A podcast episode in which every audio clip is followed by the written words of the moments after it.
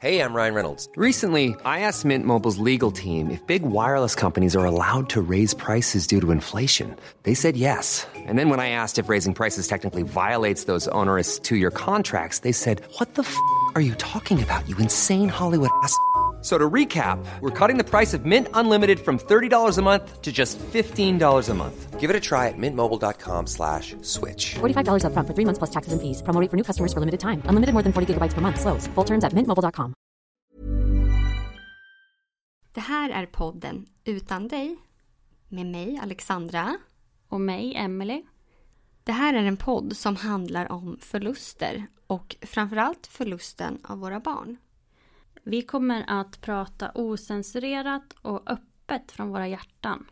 Vilket kan göra att innehållet väcker mycket känslor. Alla sörjer olika och det finns inget rätt eller fel. Men risken finns därför att någon kan ta illa upp. Men vi hoppas att våra lyssnare inte ska ta illa upp på något sätt.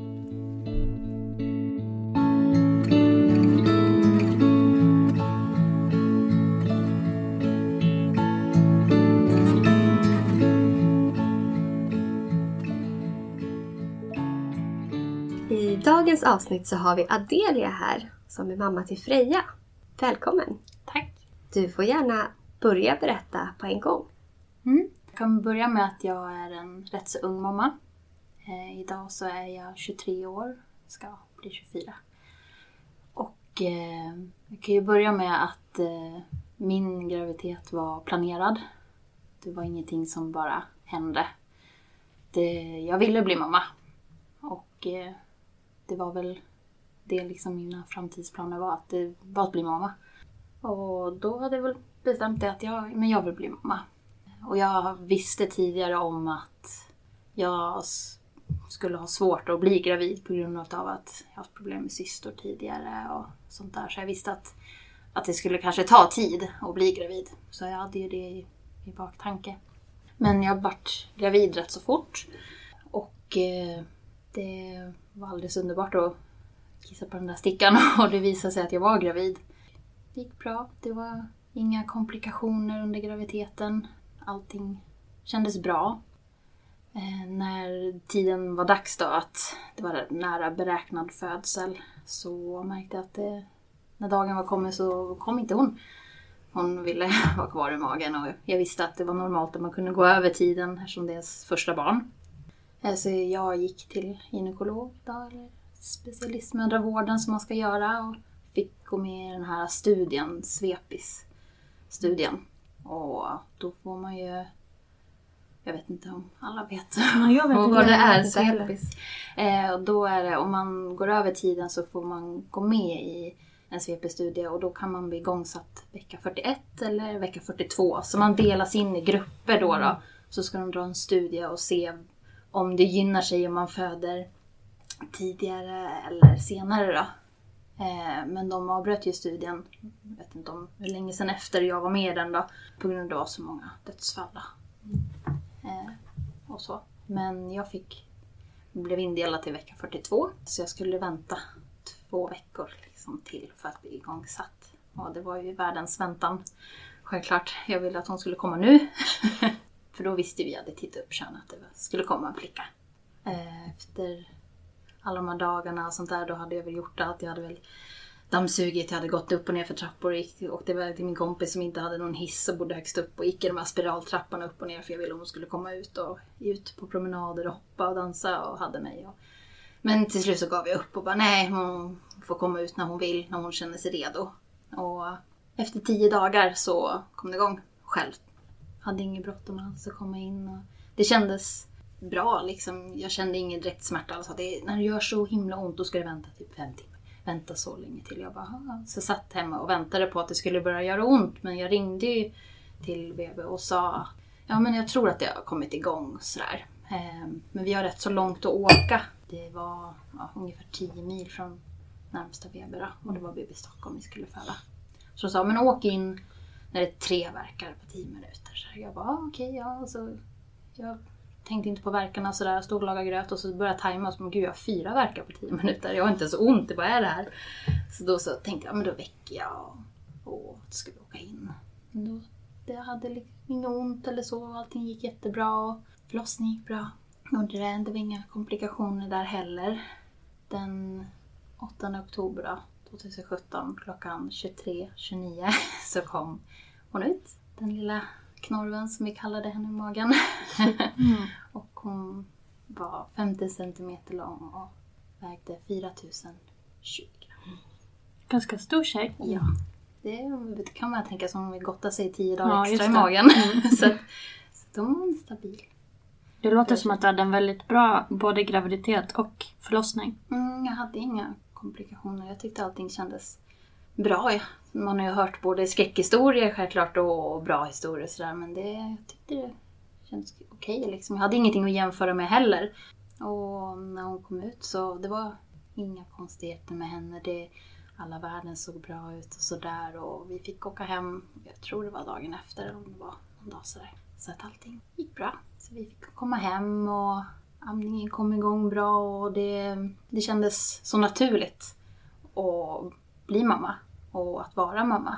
För man var ju så nervös innan och skulle läsa på med hur gör man med det, vad ska man ha hemma och hur gör man allting. Men allting bara flöt på helt naturligt som att hon alltid hade varit där. Hade ni bestämt innan hon föddes vad hon skulle heta? Vi hade några namn och eh, vi eh, valde till slut Fre- Freja. Så då försvann korven. En lillknorven. Lillknorven. Eh, och det, det försvann. Mm. Men det kan man ju fortfarande tänka tillbaka Mm. på att Mm. hon är. Men eh, det vart Freja. Mm. Hur var Freja? Ja, Freja hon var väldigt nöjd. Tjej var hon. Hade inga problem med det här att äta eller att sova. Hon sov väldigt bra. Gjorde hon. Och eh, hon följde sin kurva och sina utvecklingar som hon skulle. Och ingenting direkt som varken vi eller BVC märkte liksom att det var någonting konstigt. Så. Och det, det gick bra. Gjorde det för oss allihopa. Och men Freja var oftast alltid nöjd var hon. Och Stina var väldigt trygg. Hon var inte orolig att sova själv eller sova nära eller vara hos någon annan. Hon var en väldigt trygg tjej var hon, skulle jag uppfatta henne som att hon var. Mm. Vad brukade ni göra då när hon var liten bebis? Ja, vi var väl oftast hemma men vi har ju, hade väldigt mycket familj runt omkring oss. Vi åkte och hälsade på och sådär. Vi var mycket ute med vagnen och, och gick och vi hade en katt hemma som var väldigt intressant att titta på när hon började se och märka grejer sådär. Och sen när hon började krypa skulle hon självklart krypa efter katten. Djur var ju väldigt intressant och roligt och spännande. Tyckte katten att det var lika intressant? Nej, Nej. nej. Jag tror hon kände sig lite utbytt där ett tag. Men det, det gick bra ändå. Mm. Gjorde det. Så Freja föddes och var frisk och glad Mm. och utvecklades precis som hon skulle. Precis. Ja, det, det fortsatte ju så. Och hon hann ju bli ett, så vi firade hennes ettårsdag. Vi hade bjudit dit en väldigt stor del av min familj, då, släkt och vänner. Och det var jättetrevligt. Faktiskt nu när man tänker efter det, att eh, ett litet barn kan förena familjer så pass mycket.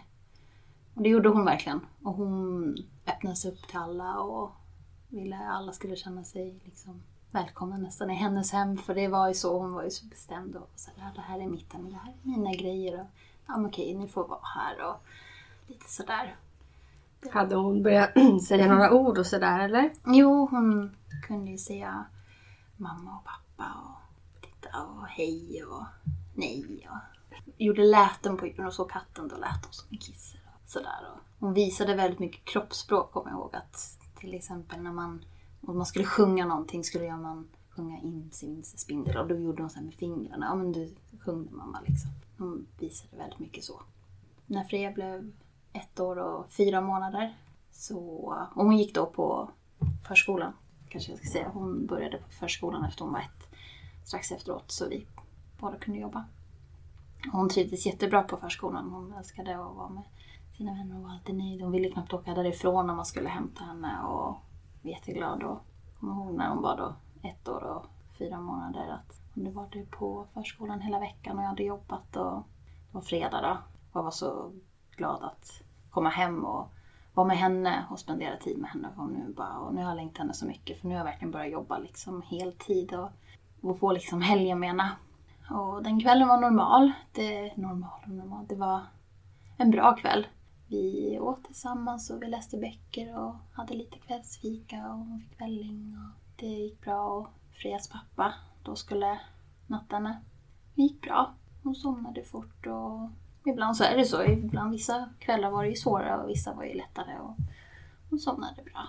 Sen på natten så vaknade hon så som barn gör på nätter. De vaknar för att de är oroliga eller vaknar eller låter bara. Så jag går in då till henne och hon ligger och gnyr och sådär och halvsover så att jag går in och stryker henne på ryggen och säger att, men, att hon inte behöver vara orolig, att mamma är här och att bara du får försöka somna om det kommer bli bättre. Liksom. Att, att det är, det är okej liksom.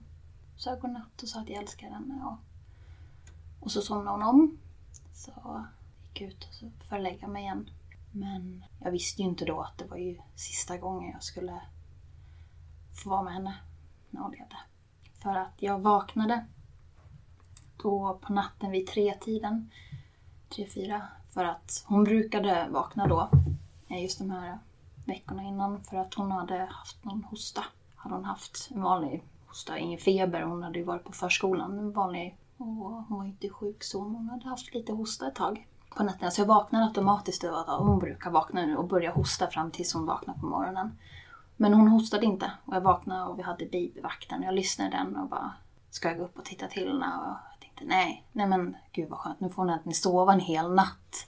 Hon har inte gjort det på länge och sådär. Så att jag somnade om och eh, sen på morgonen så vaknade jag utav mig själv. Jag vaknade inte av att hon pratade babyvakten för hon var den som alltid låg och och pratade för sig själv. Hon var inte den som skrek på morgonen och lyfte upp mig eller sådär. Hon pratade för sig själv jättelänge. Så, så man kunde höra henne låta i babyvakten. Då gick man upp och gjorde frukost och så. Men den här morgonen så var det tyst. Var det. Men jag tänkte att om hon sover, för ibland så vill hon sova lite längre. Så jag gick på toa sådär och jag märkte att hon brukar alltid vakna till och reagera när jag spolar alltså spola vatten för att tvätta händerna och sådär. Men hon gjorde inte det. Och jag bara, Jaha. Och sen så tänkte jag, jag ska göra frukost. Förbereda det. För när hon vaknade ville hon ha macka på en gång. Och gröt. Men jag fick en konstig känsla eftersom hon inte vaknade. Och jag hörde henne inte så att jag gick in till henne. Och i rummet så var det mörkt och sådär. Jag såg inte. Så att jag tände lilla nattlampan och sa Freja du får vakna nu. Klockan är mycket. Och klockan var väl runt åtta tiden på morgonen tror jag. Jag kommer inte riktigt ihåg. Och sen skulle jag börja stryka henne på ryggen för jag hörde inte för hon är den som snarkar och hon... Det lät ingenting så att jag skulle stryka henne på ryggen. Så jag men nu får, får du vakna Freja. Och när jag stryker henne på ryggen så känner jag hur hon, alldeles kall hon är och hur stel hon är. Och jag ser henne inte direkt för att det är rätt så mörkt i rummet. Så när jag ska lyfta upp henne så känner jag hur ännu mer stel hon är och ser och känner och hör att hon inte andas. Så jag förstår ju rätt så fort att det är någonting allvarligt. Så jag springer ut, hon får hon ha ett eget rum då. Eh, så jag springer ut från hennes rum där det är ljust. Och jag ser på henne att hon lever inte längre. Och eh, jag skriker till eh, Frias pappa han ligger och sover då. Att han måste vakna och ringa 112 för att Freja lever inte längre. Att hon är död. Så jag springer in med henne då. In till vårat sovrum. Lägger henne på golvet där. Där vi har matta. För att jag ska börja göra hjärt och lungräddning på henne. Jag vet ju då redan att det är redan för sent. Men jag måste göra allt det jag kan innan ambulanspersonal kommer på plats. Så eh, han vaknar ju då självklart i panik. Förstår inte. Eh, ringer 112, ger luren till mig i högtalare och jag säger till dem i telefon att hon andas inte längre, min dotter. Hon, hon är död. Ni måste komma hit och hjälpa mig. Och jag vet att det redan är för sent men ni måste hjälpa mig och räkna hur jag gör hjärt och lungräddning. Hur ska jag hålla takten? Hur, vad ska jag göra? Och det gör de. Och, eh, I allt det här så eh, springer Frejas pappa upp ur sängen och han skulle gå ut för att hämta, han skulle hämta en handduk för att vifta för att ambulanshelikoptern då skulle komma för att så se vart vi var någonstans. Men i det här hjärta och lungräddningen som jag gör på Freja så hör jag hur han ramlar ihop flera gånger. Han får epilepsianfall för han har epilepsi i bakgrunden. Så jag hör hur många anfall han får och han försöker bara ta sig ut. Och jag försöker få honom att man ska byta med mig istället. Men jag klarar inte av att tänka att han skulle ramla på henne. Så han försöker ta sig ut. Försöker be honom försöka ta sin medicin och till slut inom loppet, jag tror det är nio minuter, så är ambulanshelikoptern där och det var nog mina längsta nio minuter. Det kändes som en evighet att de inte skulle komma dit och inte att det skulle vara för sent. Men eh, jag visste ju redan att det var för sent. Tanken med hur, hur hon såg ut, hur pass stel hon var.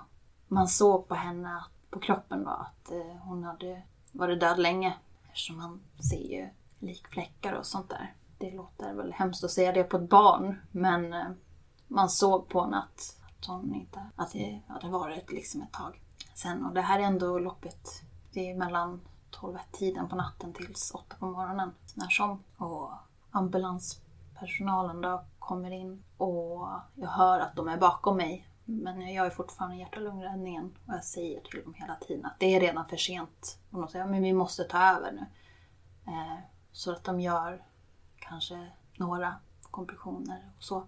Men eh, det var inte många de gjorde innan de sa att eh, tyvärr så måste vi säga att det, det finns ingenting mer vi kan göra. Jag visste ju redan att det var så. Men det var jättejobbigt att höra det från någon annan, självklart. För det vart ju liksom mer verkligt då att hon inte, att hon inte levde. Eh, så eh, eh, det eh, var jättemycket ambulanspersonal för det var ju både en ambulansbil, man säger, och helikopter som var där. Så helikopterpersonalen åkte iväg för det var ju inget bråttom längre. Så Frejas pappa då, de hjälper han dit och sen så säger ambulanspersonal till mig att nu kan du bara få hålla henne. Du behöver inte göra någonting mer längre. Så bara håll i henne. Så när jag lyfter upp henne från golvet så hör jag ju sista luften, eller det är kanske luft som jag har blåst in när jag åker ut så att det låter som att hon andas eller som att hon suckar och då blir jag liksom hajar till och tittar på dem och säger men det är nog bara den sista luften som, det är som att hon suckar där liksom. Och det var jättejobbigt. Och sen när Frejas pappa då kom dit så la jag henne i hans famn. Och eh, förstår rätt så fort att det är så pass mycket personal och de säger att det får bara plats liksom, en i bilen. Så antagligen jag eller Frejas pappa då, som ska åka med Freja. Så jag får väldigt mycket panik fast det är ingen stress längre egentligen. Men eh, så jag går ut och jag ringer min pappa. För han bor inte alls långt därifrån. Han har bara några minuter med bil. Så jag ringer honom och säger att pappa du måste komma hit. Han frågar om någonting har hänt för han hör direkt på mig att jag inte mår något bra. Och då säger jag, du måste komma hit för Freja. Freja lever inte längre. Du måste komma hit för du måste köra in oss till Astrid Lindgren. Och ambulansen är här och det finns inget mer vi kan göra. Så um, han kommer då dit och ser allt. Någonting som jag inte märker men får reda på sen är att min pappa fotar Frejas pappa och Freja då, när de sitter där på golvet. Det golvet då där jag hade gjort hjärt och lungräddningen. Så fotar han de två i kanske i chocktillstånd. Bevarar ett minne. Eh, han vet inte varför han gör det. Men han gjorde det och det kommer jag väl till senare att jag är både arg och tacksam för att han har gjort det. Men eh, jag åker med min pappa bakom ambulansen då, där Frejas pappa och Freja ligger. Jag kommer ihåg när hon läggs på båren där, eh, den här jättestora sängen. Och hon är så liten och förvirras runt i filtar och för att, vet inte hur hon ska spänna fast ett så litet barn i en stor säng. Och jag ser att hon rullar ut och jag vet liksom inte hur jag ska ta vägen för det är så konstigt att inte få vara med henne. Att nu åker hon ifrån mig. Och jag i stress börjar väl packa skötväskan för att ska man iväg med sitt barn då ska man packa skötväskan och man ska ta med sig blöjor och man ska ta med sig mat och extra kläder och jag vet inte vad jag tänker men och de säger du behöver inte ta med den och då blir jag frustrerad och låt mig packa. Låt mig få ta med det liksom och hennes favorit kanin och snutte och filt och allt sådär. Så jag tar med det och sen så åker vi. Och som sagt, det är ju ett väldigt, en väldigt lång bit då för att vi ska ju till Astrid Lindgrens. Det är en väldigt lång bilfärd.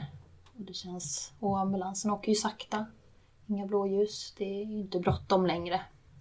Så vi kommer in där. De kommer in självklart först.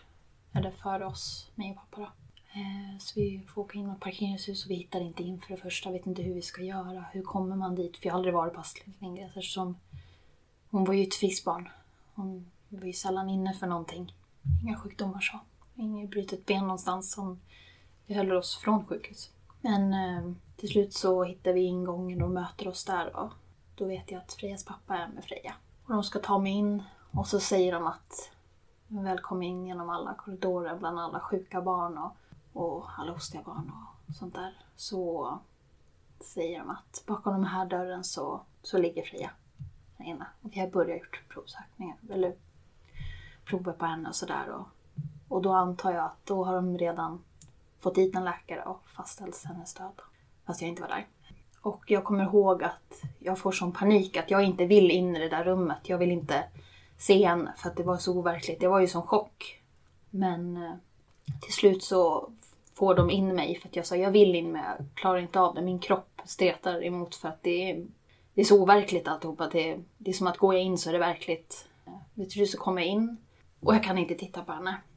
Eh, så jag får sättas på en pall i ett hörn på andra sidan rummet och tittar ner. Och så försöker hon få i mig någonting att dricka för att jag är väldigt chock och jag fryser och skakar.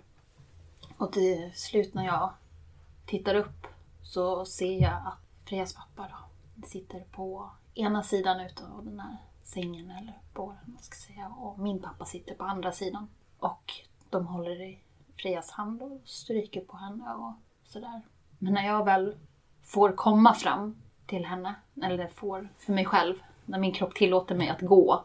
För att jag kände ju själv att jag orkade inte röra mig, jag kunde inte gå, jag kunde inte andas. Jag kunde inte göra någonting för det var så overkligt. Men eh, hon hade förändrats så mycket på så kort tid den här resan in. Kanske tog en timme, en och en halv. Och det var så himla läskigt att se henne. För att hemma så såg du, hon såg inte, om man får säga då, eh, utan det ska bli så känsligt att hon var inte så blå om läpparna eller sådär. Hon var ju lite blå i ansiktet, något lite blå om läpparna, men det var inget allvarligt. Eh, tänker tillbaka såg hon mest ut bara som att hon sov. Så det såg ändå fridfullt ut. Och eh, det ändrades liksom även rätt så fort och då kände jag att, eh, att jag måste höra av mig till min familj vad som har hänt. För att det går så fort. Kroppen förändras. Att Frejas kropp förändras. Och de frågar om de vill att de ska ringa min närmsta familj och så. Men jag säger att jag vill ringa själv för de svarar inte om det är något privat nummer eller okänt nummer. Så jag går ut med min pappa. Så försöker jag få tag på min mamma, mina systrar. Det är först väl inga som svarar. Eh, jag kommer ihåg att jag tror i alla fall vad jag, min hjärna säger mig, att det är min ena syster först som jag lyckas få tag på. För jag har två systrar en lillebror. Men, eh, och så, hon har själv ett barn har hon. Och, eh, jag ber henne att hon eh, går in i ett rum själv. Att någon tar hand om hennes son då så länge medan vi ska prata. De får stänga dörren och sätta sig ner. För att, och hon förstår inte varför. Och säger liksom till henne att du, du liksom måste sätta dig ner. Och jag förklarar att, att vi är på Astrid Lindgrens sjukhus och Freja inte lever längre.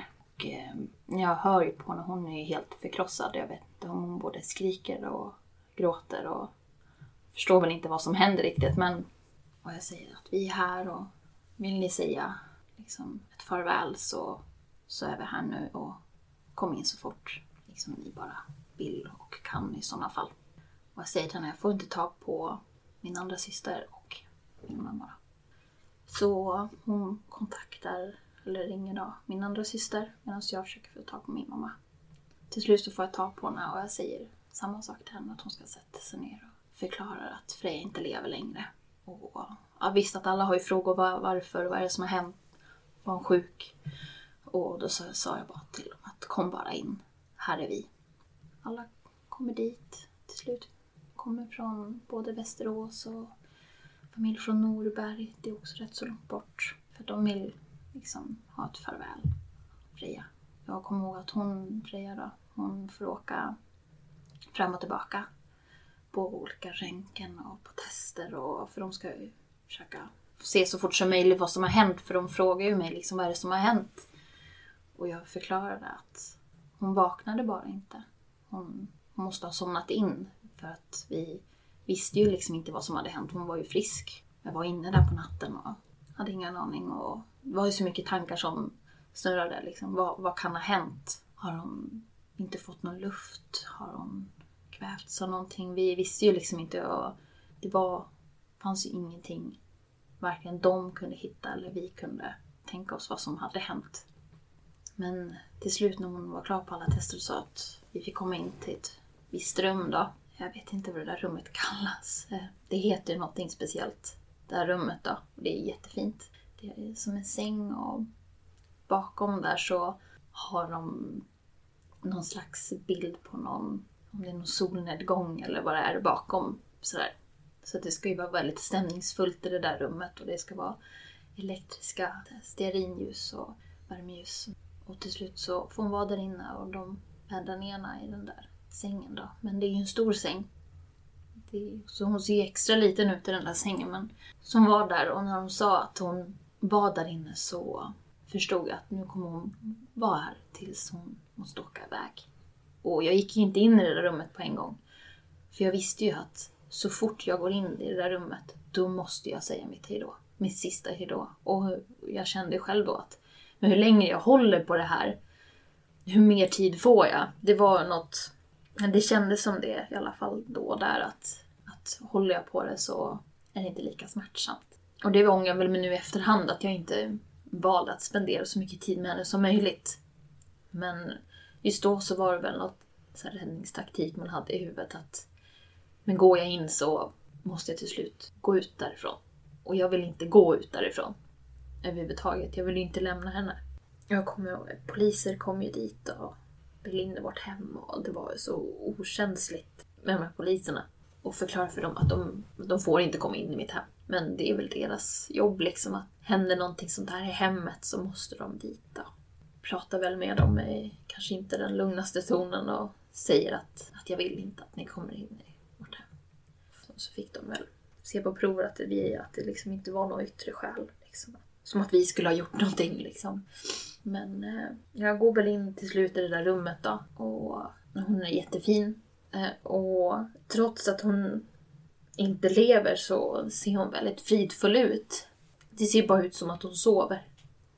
Liksom ingen smärta, ingen oro, ingen stress i kroppen. Hon ser bara ut som att hon sover. Jag kommer ihåg att jag sätter mig bredvid henne och jag stryker hennes hår. Fast hon inte tyckte om det när hon levde då.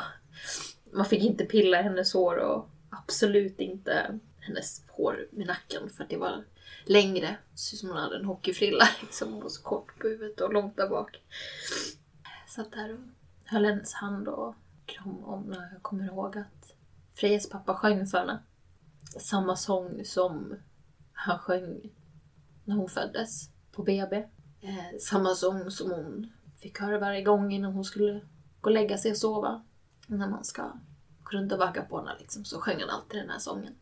Och det var samma sång han sjöng då på, där och då liksom, på sjukhuset.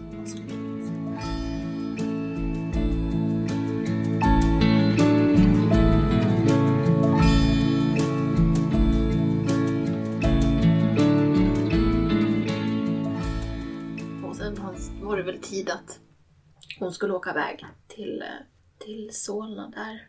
Rättsmedicin för adoption och allt sånt där. Så vi skulle säga vårt sista hejdå. Och det gjorde vi allihopa till slut.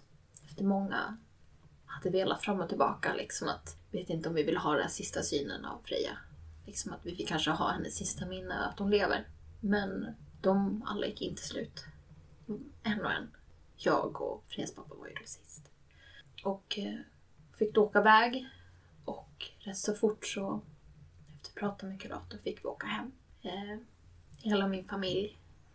Jag, Frejas pappa, men utan Freja då. Och det var nog en av de jobbigaste man kunde göra den dagen. Att åka hem utan henne. Och det var så fruktansvärt tomt när vi kom hem och i panik så började jag ställa bort alla Frejas saker. Jag tror min eh, mamma, eh, Frejas mormor, hjälper till och börjar ta bort alla saker, ställer in alla hennes grejer i hennes rum. För att jag orkade inte se sakerna just då. För jag var ju både arg och jag var ju ledsen och chock och förstod väl inte vad riktigt vad som hade hänt. Det var så många timmar som hade försvunnit för mig och förstod väl inte riktigt. Men väldigt många var ju hemma hos oss då. Vi, vi var ju, vi åkte ju aldrig hem bara jag och Frejas pappa. Vi hade ju många människor runt omkring oss men vi hade ju inte Freja och det var ju det som var jobbigt. Det var väl blandade tankar med det här att ta bort hennes saker redan samma dag som jag hade då hittat den levande i sängen. Men eh, det var ändå skönt ändå sen att kunna välja att se hennes saker i bara hennes rum. Att vi stängde igen den dörren rätt så fort. Och jag kommer ihåg att jag la mig inte i sängen och så. Sov väl knappt någonting. Jag vet inte när jag sov och när jag var vaken under den tiden. Men eh, jag tror resten av den dagen så minns jag liksom inte vad vi gjorde. Jag kommer bara ihåg att vi kom hem och Freja var liksom inte där. Någonting som jag kommer ihåg, som jag kommer ihåg idag.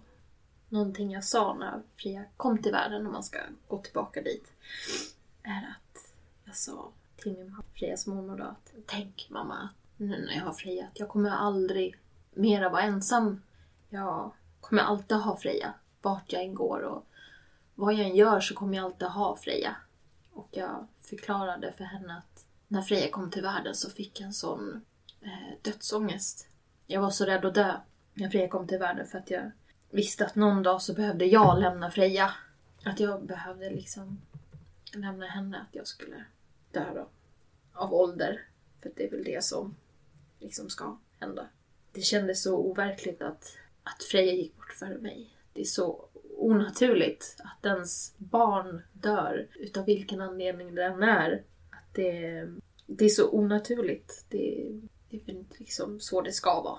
Men jag kommer ihåg det så väl att jag sa till min mamma nästan varje gång jag pratade med henne att jag var så tacksam att jag hade fått Freja. Att jag fick bli mamma fast jag var fast jag är så ung. Och att jag aldrig liksom behövde vara ensam någon mer. Hade du varit rädd tidigare för att vara ensam? Ja, lite grann. Eh, eh, vill jag säga på en gång, det var inte därför jag skaffade barn, för att jag inte ville vara själv. Absolut inte, men jag hade väl svårt att vara själv till en viss del. Rädd att bli lämnad och sådär. Och både vänner och familj och sådär. Det, det är väl någonting jag liksom haft svårt med. Så att så tanken utav att, att jag behövde lämna Freja, det var ju jätteskrämmande. För jag hade ju aldrig känt en sån kärlek till någon. Men när man får, liksom, får ett barn, när man föder barn eller ja, blir mamma på ett eller annat sätt. Så det är en helt annan kärlek man känner. Och det var då liksom den här ännu mer rädslan, och ångesten kom in att men gud, jag måste ju till slut lämna henne. Eller man visste ju liksom inte att det här var det sättet vi skulle säras på. Men så, så blev det nu. Var ni tvungen att ringa till dagis och jobb och berätta vad som hade hänt då samma dag när ni inte dök upp där? Eh, det här, den dagen Frej gick bort var en lördag. Men min familj hjälpte till att ringa till mitt jobb jag hade då. Att vi inte skulle komma då på måndag till jobb. Och att Freja inte skulle komma till förskolan. Men eh, det jobbigaste samtalet var, jag tror min syster som fick göra det, för att på söndagar så var det babysim. Det var ju dagen efter vi skulle gått dit så. För hon tyckte om att bada. Så fick hon ringa och säga att hon Freja inte skulle komma då. Så det var ju mycket samtal där. Jag jobbade då på en skola. På skolan jobbade jag med eh, högstadieelever som i studieklass. Lite assistentaktigt så. Jag har ingen lärarexamen eller så. Men jag var assistent och hjälpte till där. Så skolan Eh, och den lilla orten vi bodde i fick ju reda på rätt så fort vad som hade hänt. Som inte var på jobb och förklarade varför och det pratades runt rätt så fort. Var det många som hörde av sig till er också? Ja, det var många som hörde av sig och frågade vad som hade hänt och, och allt sådär. Och vi orkade ju liksom inte svara på det. Det fanns ju liksom inte ork att svara på allt. Och för alla de frågorna de hade, det hade man ju även själv. Vi hade ju inte fått något svar än. Vi åkte ju hem utan svar. Har ni fått svar på det nu? Eh, nej, ingen riktig orsak varför. De eh, gjorde alla sorters prover och sådär och hittade saker som, kunde kom, Mm. som var komplikationer av väldigt små.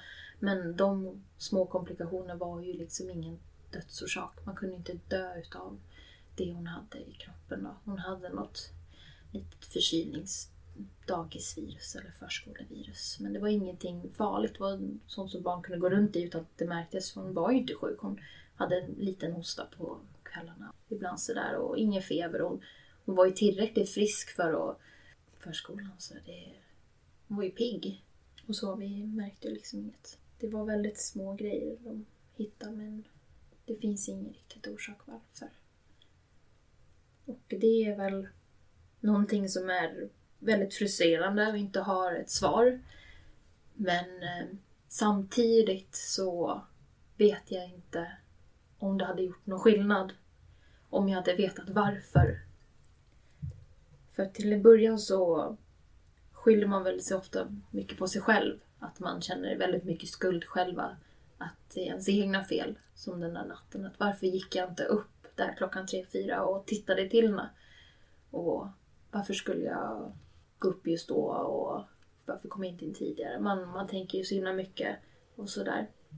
Men läkarna sa ju att det fanns ingenting man kunde förutse. Hade vi åkt med Frej in till doktorn dagen innan eller timmarna innan skulle det aldrig förutsätts att det här skulle hända. Det fanns ingenting som visade sig att, att hon skulle sluta andas.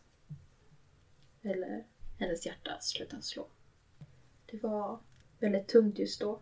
Och det var väl, för man hade ju då ett hopp innan de skulle ringa och man skulle få hem papperna från obduktionen att, men det visade att de skulle hitta någonting. Men eh, när de ringde och sa att det inte fanns något så var det väl ännu mer förkrossande. För under den här tiden, den här väntan då, den här, om det är två veckor eller, det, tidsbegreppet fanns inte just då för mig så jag kan inte riktigt säga hur lång tid allting tog för att tiden existerade inte i, i den stunden man var i. Efter Freja gick bort. Det var som att tiden stannade. Hade ni begravning för Freja? Mm, det hade vi. Eh, Vi planerade den rätt så fort efter vi fick svar från obduktionen att när man fått svar då, då får man ju begrava om man, om man vill. Och vi, vi hade en begravning rätt så fort. Inte många veckor efteråt. Och um, vi var rätt så eniga över hur begravningen skulle gå till och hur hon skulle begravas och hur allting skulle vara. Och eh, det var rätt så skönt. För jag kan tänka mig att i sån här situation så kan det bli väldigt mycket olika tankar om allting och att man sörjer liksom själv på två olika sätt. Och det gjorde vi väl men när det just gäller de här viktiga grejerna så var vi rätt så eniga. Det var skönt. Och eh, det vet jag att jag lyssnade på i er podd tidigare om det här om man ska begrava i kista eller om man ska kremera. Väl både mycket för och nackdelar sådär eller bra och dåliga sidor från olika synvinklar. Men eh, vi valde att ha en kista. Valde för att eh, det kändes mer rätt just då att hon skulle få vara hel liksom. Som hon var. Att man inte... För jag kände liksom efter operationen att nu är det nog, nu vill jag inte att ni rör henne något mer. Liksom så.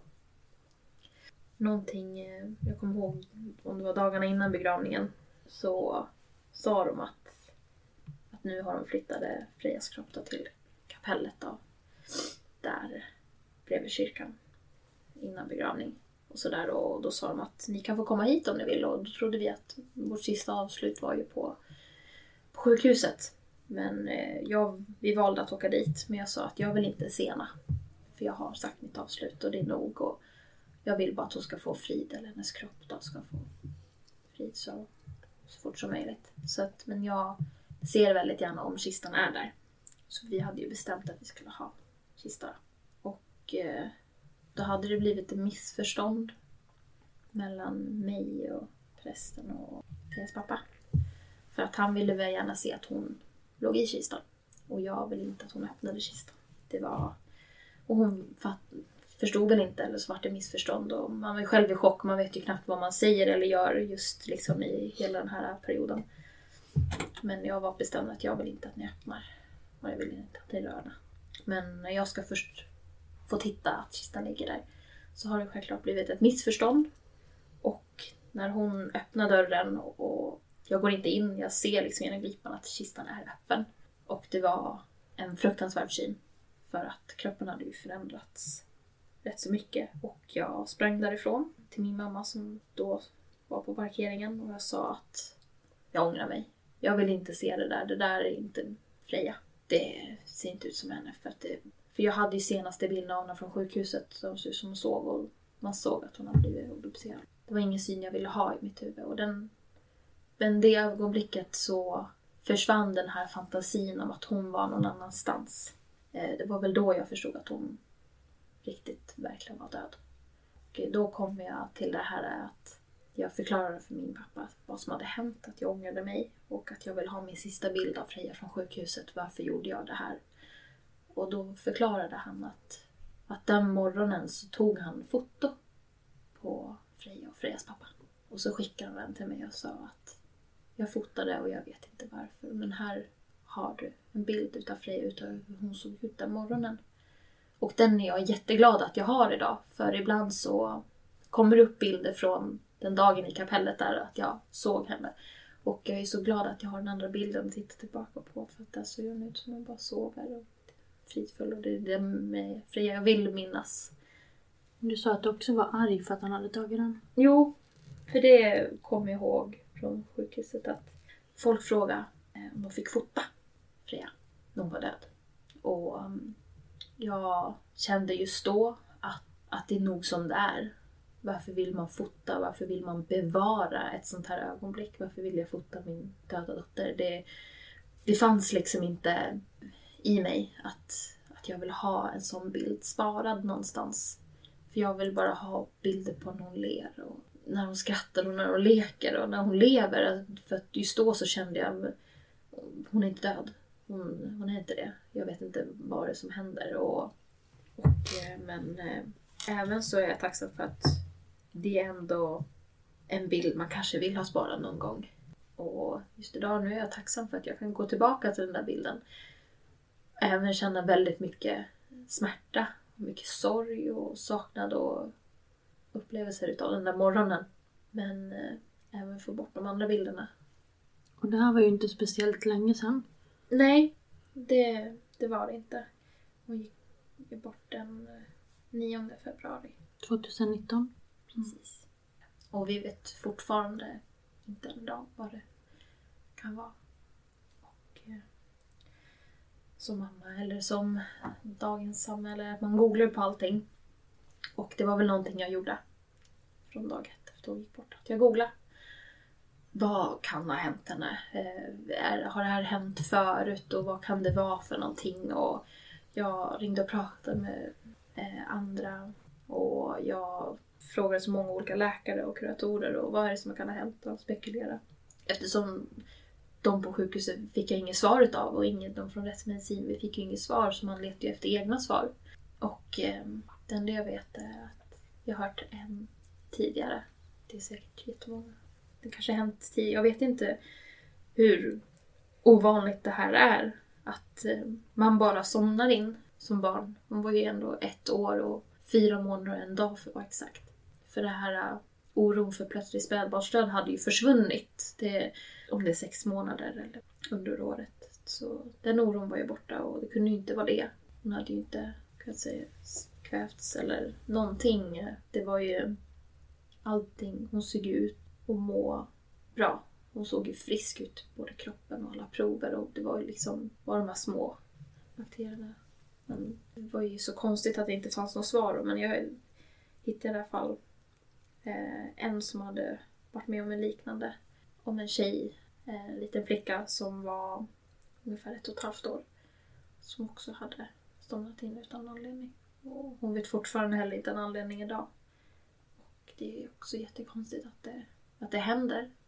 För att egentligen så spelar det väl ingen roll varför ens barn går bort. Om det är att, att den får att den föds med någonting eller barnet har en sjukdom eller vad den kan vara så spelar det egentligen ingen roll för det är så orättvist i slutändan att, att barnet inte lever längre. För det kan jag nog tänka mig att det är, eller det är nog en förälders värsta mardröm. Den här andra flickan var det? Det var en flicka också eller? Ja, det var Var det i Sverige? Också I som- Sverige Ja. är det. Hon har skrivit en bok. Mm. ja, då tror jag att jag vet. Klättra så högt. Bara kan Ja. för du är ändå redan där. Ja, precis. precis. Så jag har lyssnat på den boken och det är mycket likheter. I både hur hon kände och... Har du haft kontakt med den mamman? Nej, jag har inte haft någon kontakt med någon Ingla-mamma.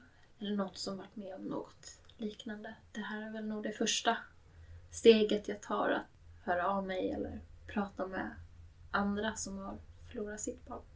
Jag vet inte vad jag ska göra. Jag kommer från en sån liten ort där allt annat är ju bara onormalt. Är... Men har det varit jobbigt eller skönt att du, har, att du bor på en mindre ort där många känner igen varandra och så? Det är både och, är väl det där. Eh, på ett sätt så är det skönt att det är en liten ort. Att många vet vem man är. Om någonting skulle hända en så är det skönt att många vet vem man är. Och sådär. Men samtidigt så är det väl väldigt mycket snack. Det är väldigt mycket prat där och de bildar upp egna uppfattningar vad som hade hänt och så. Utan att prata med oss. Så folk hörde av sig till mig och sa ja, jag hörde att din dotter hade gått bort, att det var det här. Eh, stämmer det? Jag sa nej, det är inte därför. För de hade ju fått, hade gjort upp egna historier för att det fanns ju ingen. Och till slut så valde vi ju att lägga ut på Facebook för att förklara att, att Freja hade somnat in. Att det kommer vara begravning då och då. Och de som väl, vi hade en öppen begravning så att alla fick komma som ville. Så att, och efter vi la ut det här på Facebook som jag tyckte var fruktansvärt att göra. Varför vill jag lägga ut ett inlägg? Uppdatera min status på Facebook att jag men min dotter har gått bort. Att hon inte lever längre. Det, det gör man inte men vi gjorde det till slut för att jag orkade inte med alla dess samtal och alla dess meddelanden och så mycket snack om vad som hade hänt utan att de ens har frågat eller fått något svar. Och efter det så tystnade det. Och det var jätteskönt. Skrev ni då någonting om att det var jobbigt att få frågan om varför? Nej. Det, det yttrade vi aldrig oss. Trots alla, allting läkarna sa att vi inte fick något svar och att vi inte fick reda på varför Freja gick bort, att vi inte fick någon dödsorsak så kan man själv nu idag och då, då trösta sig själv och känna liksom ändå ett lugn i kroppen någonstans att vi fick ju reda på och de sa ju att Freja hade inte känt någon smärta. Att hon hade bara somnat in. Att hon kände inte att, att hon dog. Att hon bara somnade in. Det är en jättestor tröst för mig som mamma att hon, att hon inte led. Att hon bara fick sova. Men tycker du att det är jobbigt att prata om Freja om folk frågar saker nu? Eller vill du gärna prata om henne? Det, det beror på dagsformen skulle jag säga. Man lever ju dag för dag gör man ju. Och jag vet aldrig hur jag mår imorgon eller om en timme eller en minut. Det är, man andas ju liksom ett andetag i taget och försöker liksom se fram och sådär. Så nej, om jag har en dålig dag och folk frågar då... Det är inte så att jag, jag skäms inte att prata om det.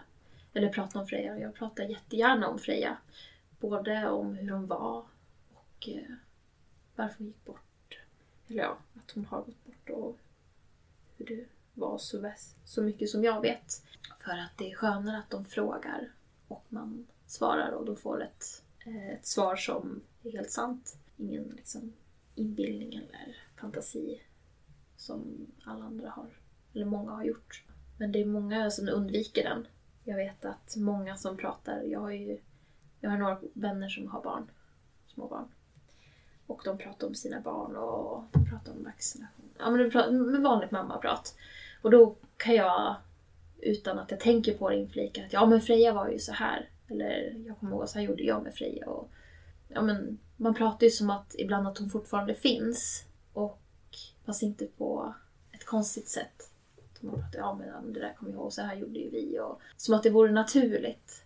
Men det är fortfarande konstigt på ett sätt att vara mamma utan barn. Jag vet inte vad jag ska göra utav alla mina mammakunskaper och allt mitt tänk och min mammaoro. Och jag vet inte vad jag ska göra utav allt. Jag har ju inte Freja längre. Känner du att du skulle vilja skaffa fler barn?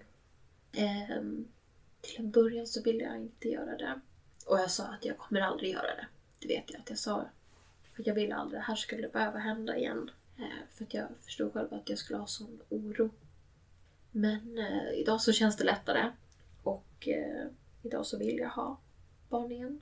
Eh, sen är ju frågan om när. Självklart.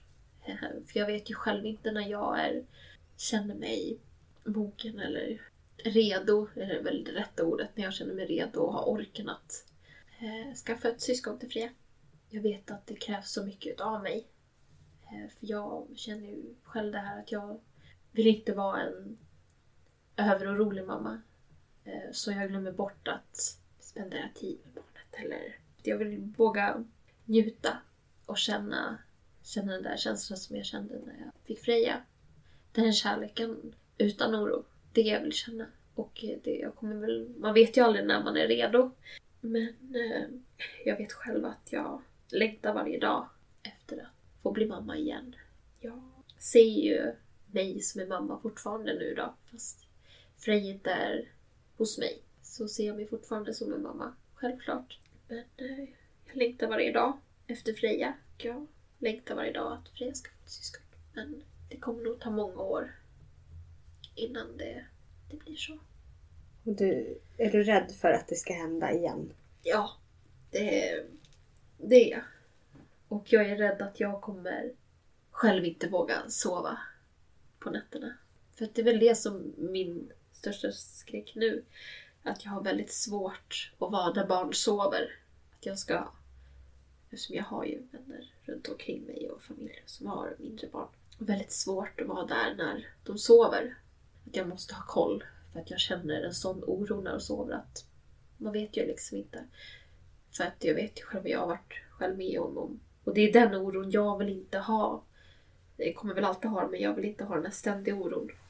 Så det är just det tror jag. Och det, det finns väl så här andningslarm och det finns väl allting sånt där. Men jag vill kunna leva också. Och jag vill kunna njuta. Har du eller ni fått något speciellt bra stöd efter allt det här? Både ja och nej. Fått väldigt bra stöd utav eh, våra familjer som alltid har funnits där. Som har varit hemma hos oss. Har gått i skift. Fått mig att komma ut för jag ville inte vara hemma. Som det var ju så tyst hemma. Men sjukvården och Försäkringskassan och allt det där, det är väl en annan del. Liksom. De, man fick ju, jag upplevde att man fick göra det mesta själv. Man fick söka hjälp själv. Jag fick ringa till försäkringsbolag. Kanske så man gör. Jag, jag har inte någon erfarenhet av det här tidigare. Eh, jag fick ju ringa försäkringsbolag och fixa med Skatteverket och allting. Jag behöver hjälp, jag behöver prata med någon för att min dotter har gått bort. Och bara, jaha, ja, det visste inte vi liksom. Och, och nej. Och Försäkringskassan var... Eh, fick vi inte... Eller jag fick i alla fall inte så bra hjälp. Vad jag upplevde som. Och med min sjukskrivning, Den var väldigt kort. Fick börja rätt så tidigt. Jag skulle väl att jag kanske hade varit sjukskriven längre.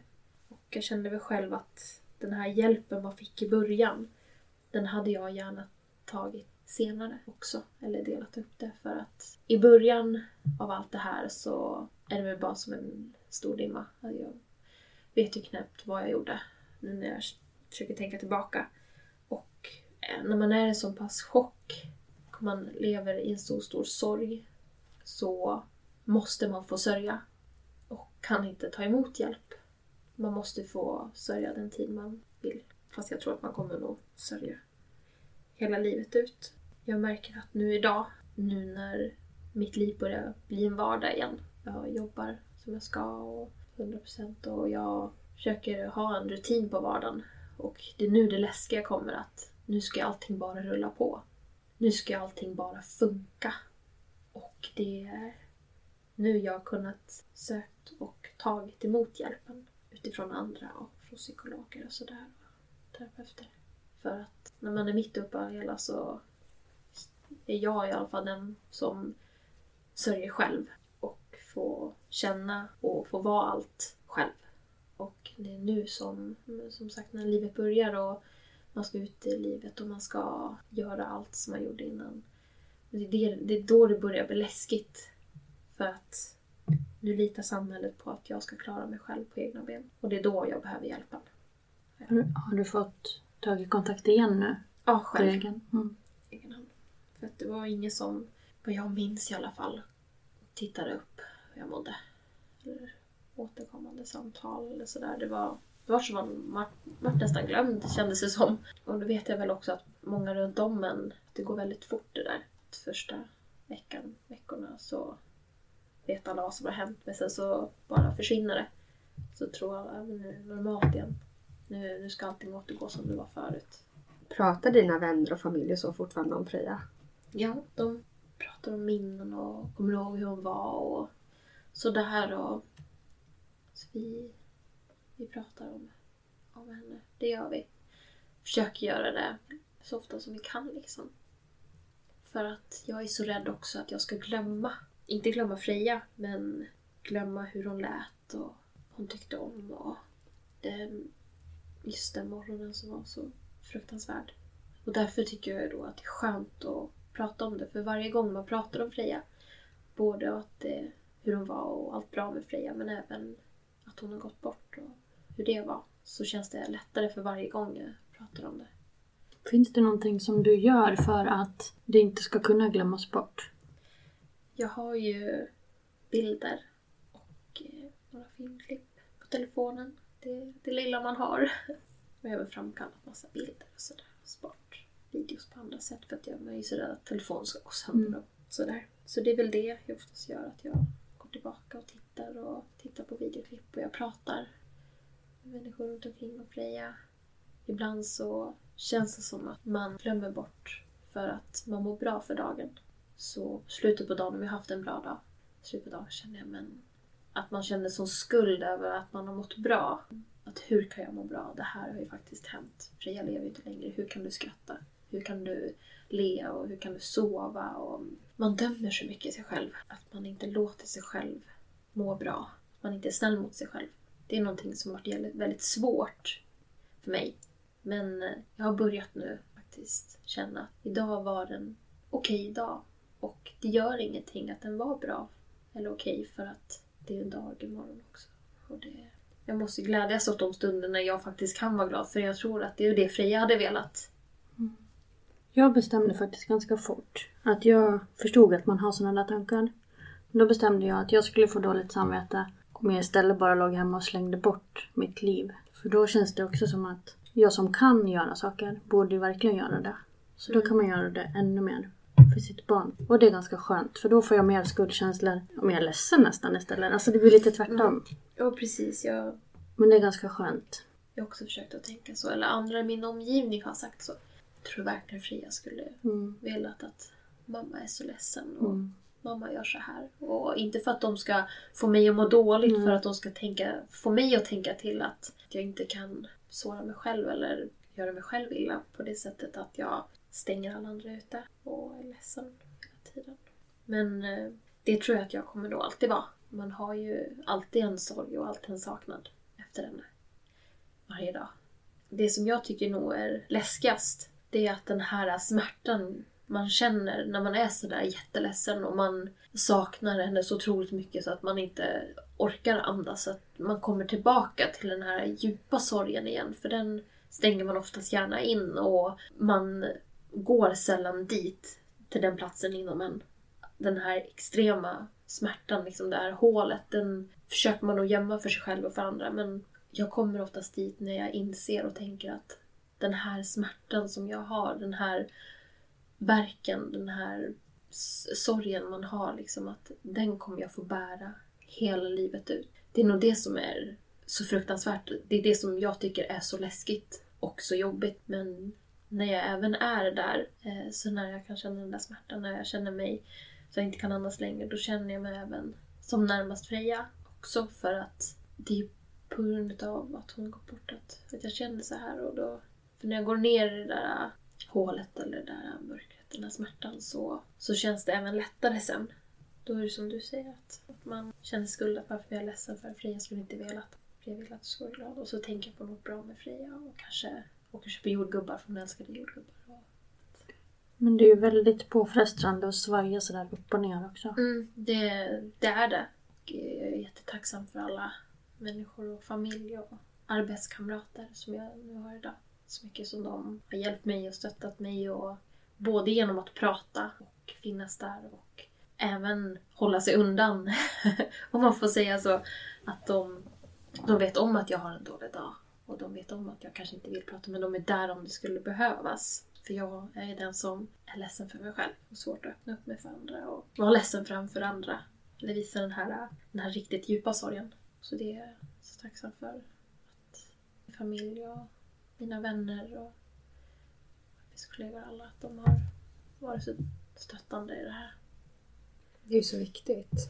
Ja, det är jätteviktigt. Jag vet själv om att jag har haft väldigt svårt att söka tröst. Främst i min familj. För att de sörjer ju också Freja på ett kanske mer djupare sätt än vad kanske andra gör. Hur ska jag kunna gråta ut hos dem när de också sörjer henne för att det var deras barnbarn eller systerdotter. Liksom, sådär. Men det är också börjat släppt nu att man kan faktiskt gråta tillsammans och prata tillsammans och trösta tillsammans. Hur har det varit för dig att träffa andra barn? I början så var det ju väldigt svårt att isolera mig väldigt från andra barn och sådär. Främst när det var en flicka i Frias ålder. Så var det extra jobbigt för att jag visste att, tänk, tänk hur Freja, hur, hur skulle hon sett ut idag? Om hon fortfarande levde. Och, och det var liksom, det var nog det att nästan som att jag tittade efter mitt barn. Att, men var är min dotter? Och sådär. Så det var ju väldigt känsligt i början. Men eh, Frejas kusin, han är några år äldre än Freja blev. Eh, och han, han har ju varit också väldigt mycket stöd fast det har varit väldigt jobbigt att träffa honom. För att han är ju ändå ett barn. Han hade ju svårt också att förstå att Freja inte levde längre. Att hon inte skulle komma hem igen. Han saknar, saknar ju henne och det gör han ju fortfarande. Och nu förstår han att Freja är i himlen. I katthimlen brukar han säga för att han hade en katt förut. Också där uppe så att han sa men det är, de har ju varandra så det är okej. Eftersom Freja tyckte om katter liksom. Mm. Så. Men eh, han har varit jätte, jätteduktig och sagt att min moster var inte ledsen och nu gör vi det här. Och, för det, då brukar det få mig glad och Freja blev glad av det här och du vet. Och, så. Min eh, bästa vän eh, Bella, hon har ju två barn. Och, eh, jag är gudmor åt båda och hon var Frejas storgudmor. Och hon har ju mindre barn och nu har hon en dotter som har blivit strax efter ett år. Och det går faktiskt bra att vara med henne. Det var väldigt svårt i början när hon var så liten. Men eh, det känns lättare och lättare varje gång jag träffar henne. Hennes dotter och son. De är helt underbara, två små barn. Jag är väldigt stolt gudmor. Mm. måste jag säga att jag är. Och, eh, men det känns skönt och de får mig att känna lycka. De barnen och självklart Bella också. Eh, hon är en fantastisk vän. Men eh, när jag är med mina gudbarn så längtar jag nog lite extra mycket efter att bli mamma igen. Det gör jag. Och de får mig också känna att det är möjligt att känna kärlek och känna att det är okej. Okay. Att man, man, man blir så lugn och jag, all den här oron man har när jag är bland barn som jag hade först i början, det försvinner när jag är med dem. Och det är, barn är terapi. Fast det var så läskigt i början så nu känns det så himla naturligt att vara med barn igen. Det trodde inte jag att jag skulle känna på flera år. Eller aldrig. Och eh, som sagt, det är knappt ett år sedan. snart exakt ett år sedan Freja gick bort. Men det, jag skulle säga att det går, det går bra. Och så känns det okej. Och ett okej kan jag leva med. Jag tycker att det är en väldigt lång bit på väg. Någonting jag har tänkt på att varför jag också prata med er ville komma hit är ju också för att jag är så rädd att Freja ska bli en i mängden eller en i statistiken.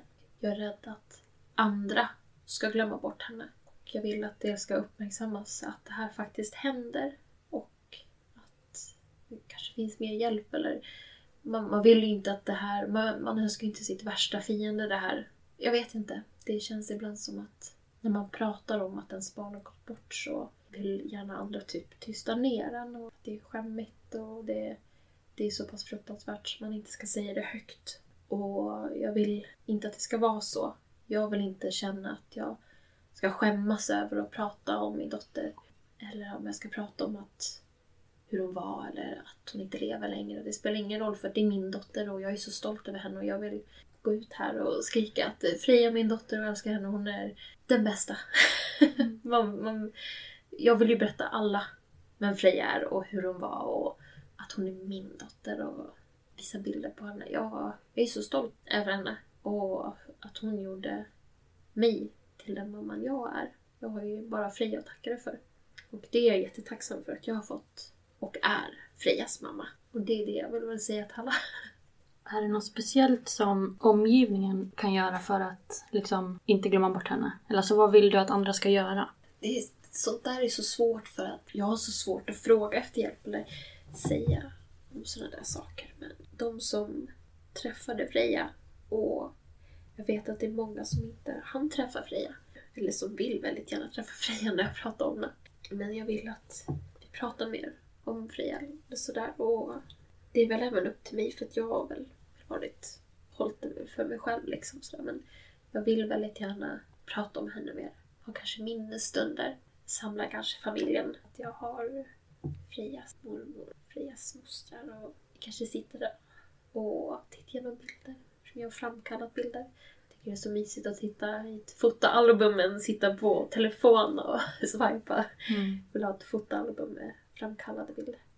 Och bara sitta och komma ihåg den dagen. Och så kanske förklara ja, det här det, vi gjorde, vi åkte iväg då. Eller vi, man delar minnen och, och ibland när vi gjort sådär så kanske min syster visar bilder som hon har tagit. Men som nu idag, ett år efteråt, så bilder jag aldrig har sett för hon inte har tänkt på det. Och, eller jag kanske har glömt bort att jag inte sett de där bilderna. Och, men att vi pratade om det för att man visste ju liksom inte att som för två jular sedan att det var, skulle vara Frejas sista jul. Och det har man ju glömt bort för man tänker ja men det är en jul i mängden då. Eller, jag vill bara att man pratar och minns och att det ska kännas mer naturligt eller att det ska kännas mer okej att prata om det.